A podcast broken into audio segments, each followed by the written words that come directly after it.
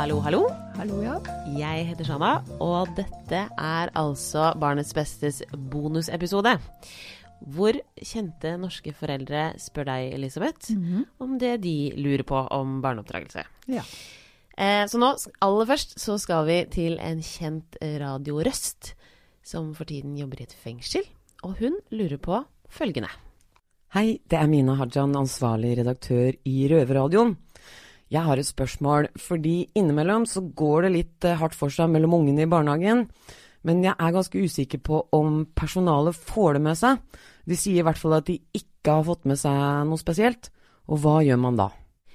Ja, Elisabeth, dette var et litt sånn eh, ukjent, ukjent problemstilling for meg.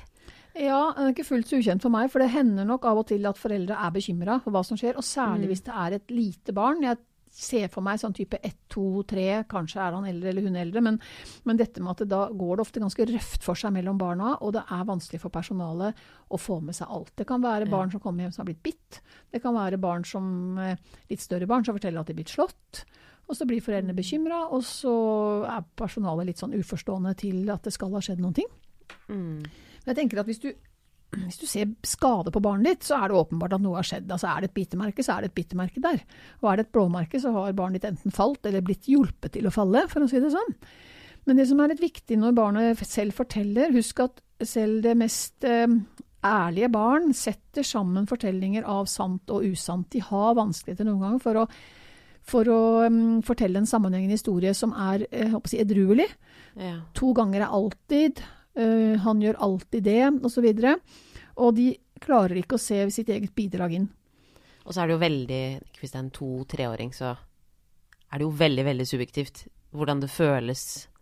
Hvordan en situasjon føles. Så, Ja. så Ja klarer man ikke å se. Ja, altså Den du kan jo, part. sånn type situasjon som jeg kan huske, at du har et barn som da står i kø på, på, på for å skli, Ja. og som da dytter ivrig de foran seg for å få fortgang i køen, noe som ikke er helt trygt, men som blir dypt indignert når han selv står øverst på sklia og noen dytter han. Ja. Fordi da er han dytta. Men det som jeg tenker den mammaen, og ikke bare henne, men alle andre foreldre, som innimellom blir bekymra, forhold deg til innholdet i det barnet ditt sier når du snakker med det, ikke begynn å etterforske. Så hvis barnet ditt sier 'Theodor dytta meg', så svar på hendelsen. Ja, Mm. det er ikke lov å dytte. Ehm, og da kan du, eller du kan si, da kan du si 'stopp, Theodor', eller, og hvis Theodor ikke stopper, så sier du fra til en voksen. Altså gi barnet ditt sånn moralen og råd om hva det skal gjøre, istedenfor med 'hvorfor dytta Theodor deg', og 'var det ingen voksen som så på'? Altså, vær litt forsiktig med å føre samtalen inn i politirollen, da. Ta det heller opp med personalet og si at eh, barnet mitt sier at han ble dytta i går. Han sier det var. Theodor.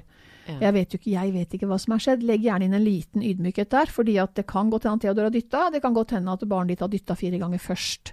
Ja, for det er veldig lett å gå i fellen, det har jeg gjort selv. Og tenke at åh, alle andre er så fæle. Og, Ja. Men så er jo også Jeg har full forståelse for foreldre som kommer med barn som da har gjentatte bitmerker, og at Mm. personalet ikke greier å beskytte dem mot det. At det blir både frustrerende og, og at de ikke ofte blir sinte. Så det er jo en sånn Det er ikke lett alltid å, mm, å være i, jobbe i barnehage. Virkelig ikke lett. Men Mm. som en tommelfingerregel, altså kan du velge barnehage, så er det å ha en barnehage hvor det er god voksentetthet veldig bra. Det vet man også fra forskning at det er et kvalitetsindikator på en barnehage. Og også en barnehage hvor ikke det er for store barnegrupper. Altså at det er masse personale er fint, viktig og fint, men at barnegruppa ikke er for stor er også viktig. Mm, for det typiske er vel kanskje 18 barn på tre voksne eller sånn. Ja, Eller- og det kan bli litt snaut. Øh, og Så det å da ha det å se etter en barnehage med høy voksentetthet, den, det ville jeg vært hatt gitt som et råd, da. Men, men tilbake til hva gjør man her og nå? Jo, jeg ville tatt opp med personalet, ikke i garderoben når barnet ditt hører på, men be om en samtale, gjerne med styrer. Mm. Hvis du opplever at personalet på avdelingen er litt uforstående, uh, ta det opp på foreldremøtet hvis det er et problem jevnt over. Husk at personalet har taushetsplikt. Hvis det er ett barn i barnehagen som, som biter, så kan ikke de henge ut det barnet, og verken kan eller skal. Mm. Men man kan ta opp hvordan, hva, hvordan jobber dere med biting, f.eks. Ja. Og så, um, klart at hvis hun er veldig bekymra, hun ikke kommer gjennom med å snakke med personalet, det ikke hjelper, så er jo da det siste utveien er da å skifte barnehage. Ja, det er jo alltid en mulighet. Ja, eh, noen har den muligheten. Litt hvordan du bor. Hvis man har prøvd alt, Ja. og det ikke endrer seg. Ja. Det er jo ganske forskjell på kvaliteten på barnehagene. Det er noe forskjell på kvaliteten, Mm. og det er forskjell på ressursene. Uh, og, så det, men men ikke, ikke, dette er ikke førstetiltaket. Nei. Nei. for det er jo og på en måte Det er ikke et lite valg å bytte, bytte venner og bytte kontekst for et litt barn. Nei, nemlig. Mm. For barn er det en ganske stor overgang. Ja. Og husk at det er ikke uvanlig at man innimellom får seg en dytt i barnehagen. Så, men du merker på personalet også hvor, hvor, hvordan de jobber med det. Mm. Så. Ja, da håper jeg Mina i hvert fall fikk eh, noen eh, gode tanker hun kan ta med seg i denne barnehagevurderingen. Eh, og så er vi, Elisabeth, tilbake neste uke Det er vi. med en vanlig episode av Barnets beste. Mhm. Eh, og så må du som lytter huske at du kan sende inn spørsmål til oss. Bare gå inn på Facebook-siden, så står all info der.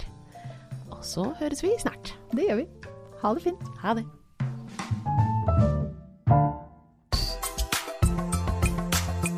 Produsert av Flink pike.